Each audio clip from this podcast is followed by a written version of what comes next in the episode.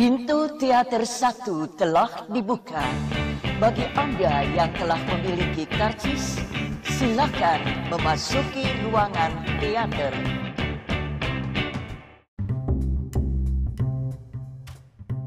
Halo semuanya, balik lagi sama gue Mustafa di podcast habis nonton film uh, Jadi gue baru aja nonton film Burning karya Lee Chang-dong yang berkompetisi juga di Cannes Film Festival 2018 Kalau nggak salah mendapatkan penghargaan sebagai uh, Director sama Art Director kalau salah.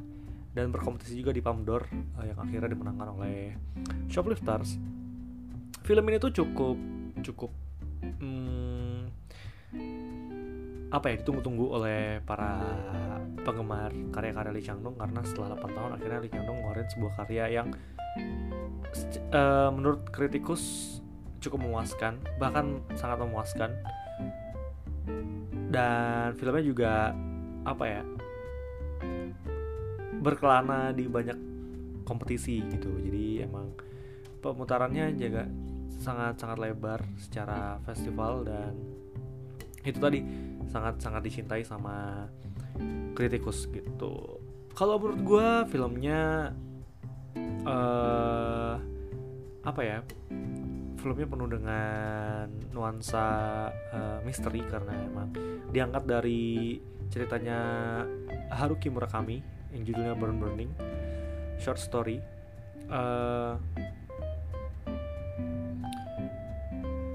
uh, to be honest gue kurang kurang apa ya mendapatkan kesan dan efek efek menonton yang yang seperti yang gue bayangkan tadinya gue berekspektasi film ini punya aftertaste yang sangat besar dan membuat gue sangat uh,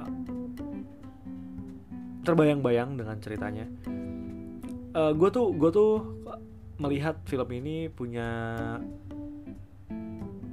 punya kesengajaan dalam menyimpan rahasia-rahasia sebuah teka-teki pertanyaan dan kita memang diajak untuk menebak-nebak apa yang sebenarnya terjadi dan bagaimana si karakter utama ini melihat dirinya uh, ber, di posisi melihat dirinya berposisi di dalam sebuah dunia gitu. Dia kan ceritanya tuh tentang seorang lelaki uh, miskin yang dari keluarga miskin dan dia tuh sebenarnya pekerjaannya tukang antar antar barang gitu. Sampai suatu ketika dia bertemu dengan seorang gadis yang membuat dia kembali lagi ke kehidupan yang dia inginkan sebenarnya.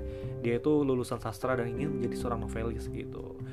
Suatu ketika dia jatuh cinta dengan sebuah wanita yang ternyata teman lamanya. Ketika dia bertemu dia, uh, si wanita ini udah tampilannya berbeda sangat cantik karena sudah operasi plastik. Uh, uh, si karakter utama ini jatuh cinta. Dan si karakter perempuannya uh, ternyata di situ dia harus meninggalkan si karakter lelaki itu. Sampai suatu, ketika ternyata si karakter perempuan ini pulang dari tempat yang jauh dari Afrika membawa seorang lelaki yang jadi orang ketiga di sana. Nah di situlah konfliknya bermula gitu. Ada ada ada penggambaran tentang uh, kaya dan miskin orang desa orang kota sukses nggak sukses. Uh, itu itu itu tuh rasa apa ya? Gue gue nganggapnya si si karakter utama ini dihadapkan oleh sebuah uh, apa ya? Sebuah perasaan kalau kalau dunia itu nggak adil buat dia karena dia datang dari keluarga yang sangat sangat berantakan. Dan ketika si wanita yang dicintainya itu datang dengan seorang lelaki yang sangat mapan dia dia merasa dunia itu uh, bekerja dengan sebuah apa yang membuat dia tersudutkan gitu. Meskipun secara nggak langsung sih. Tapi yang gue tangkap itu apalagi si karakter cowok yang baru ini itu punya kebiasaan yang aneh yaitu ngebakar uh, rumah kaca atau rumah plastik yang biasa biasa untuk dicocok tanam ya. Jadi sebenarnya penggambarannya penggambarannya dengan karakter yang unik. Ada banyak uh, scene-scene dan shot yang diciptakan dengan cara yang tidak umum dengan cara yang mungkin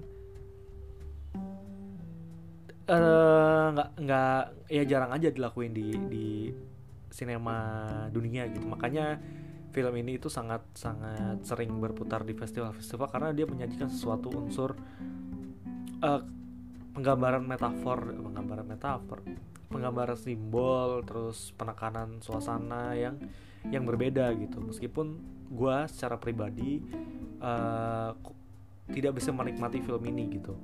I don't know. Uh, dua setengah jam itu menurut gue sangat sangat berat dan melelahkan meskipun sebenarnya gagasan ceritanya cukup menarik.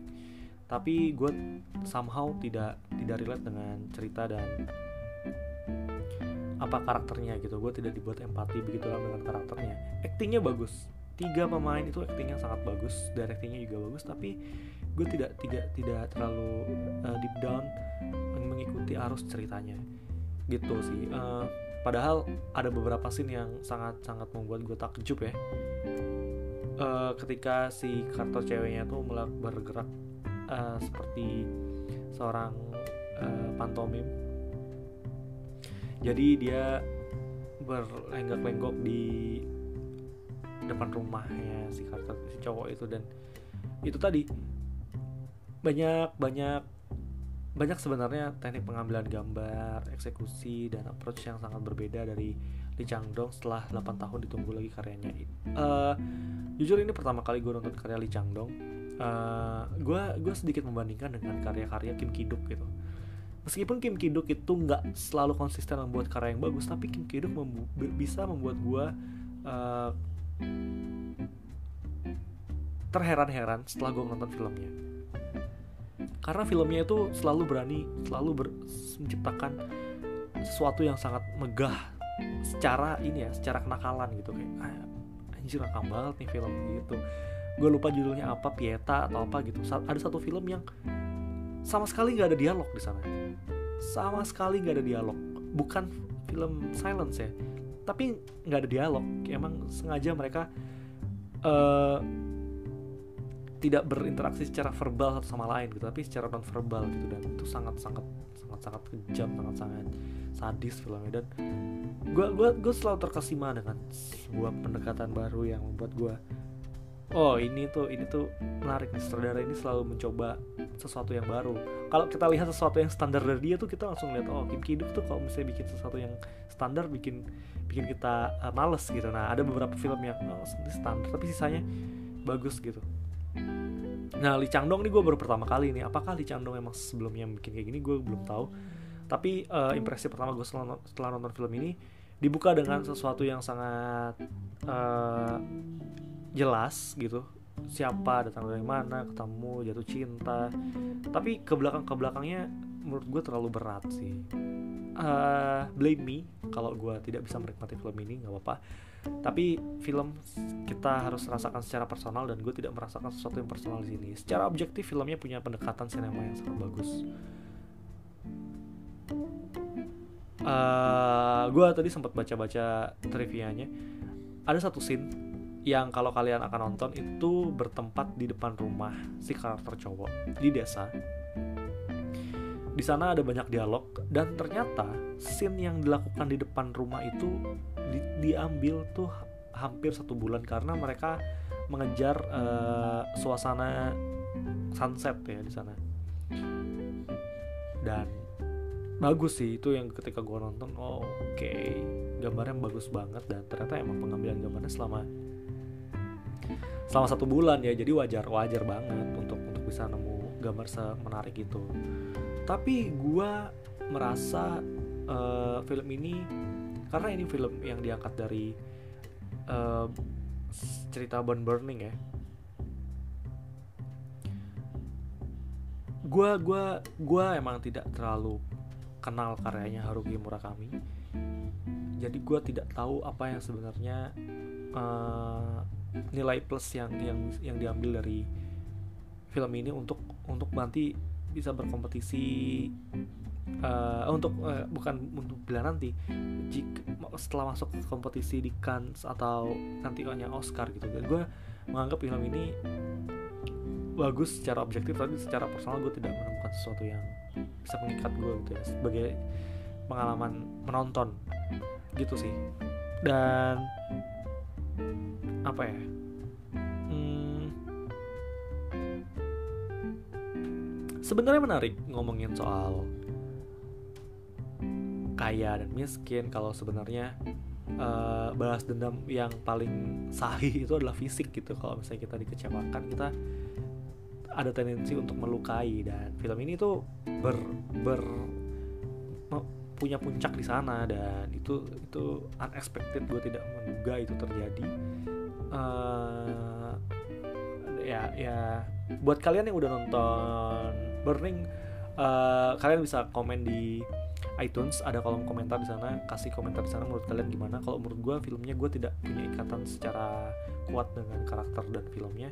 Meskipun secara objektif nih secara objektif ada beberapa hal yang gue sangat kagumi yaitu tadi pengambilan gambar ketika senja terus uh, approach ke berani gambar-gambar yang berani gitu. Meskipun ya nggak terlalu uh, apa ya impresi gue tidak terlalu tinggi gitu. Karena beda dengan gue ketika gue menonton Roma atau Shoplifters. Ada beberapa beberapa isu yang sangat nendang di sana. Kalau ini tuh lebih ke uh, kejadian fiksi yang gue gue tidak membayangkan itu terjadi di dunia kita. Dan ada beberapa hal yang kalau kenapa kenapa karakter ini sangat pintar tapi dia tidak mengetahui ini bla bla bla bla bla. Dan itu ya ya, ya itu itu baik lagi ke kalian yang udah nonton. Dan gue agak bingung kenapa banyak yang ngasih bintang yang tinggi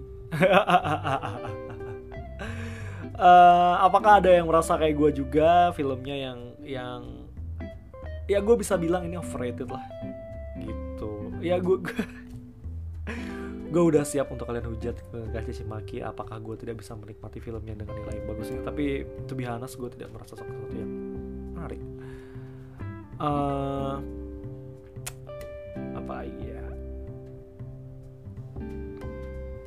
ya itu sih. Sebenarnya yang diangkat tuh ada nilai-nilai misteri di sana. Tapi gue tidak merasa misteri misteri itu tidak membuat gue untuk tertarik untuk menemukannya. Gitu. Gue gue sebagai pada umumnya kita menonton film ya kita kita pasti akan berusaha untuk uh, menjadi karakter utama dan kita berusaha untuk berempati apa yang sebenarnya terjadi di dunia mereka. Tapi ini tuh gue ter nggak terlalu relate loh. I don't know. I don't know why.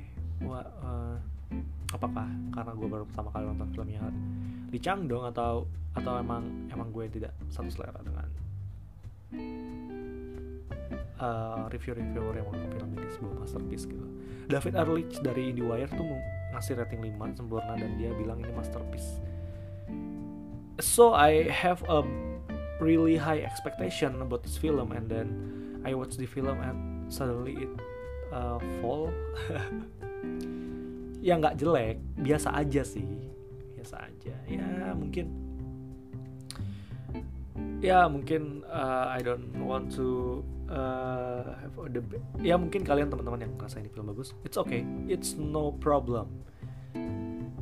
Really really no problem. Uh, film ini tuh masuk juga di nominasi Oscar.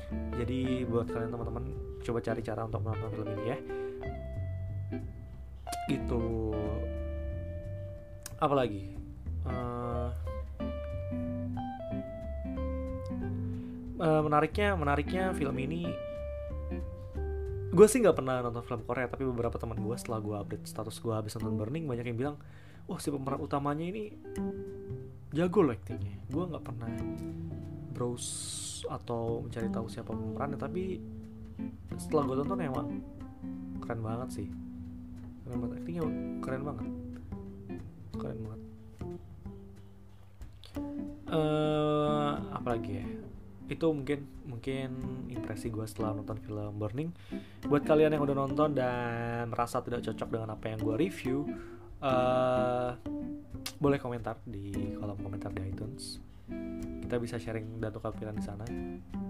Itu aja kali ya buat film Burning. Uh, sampai jumpa di episode selanjutnya. Dah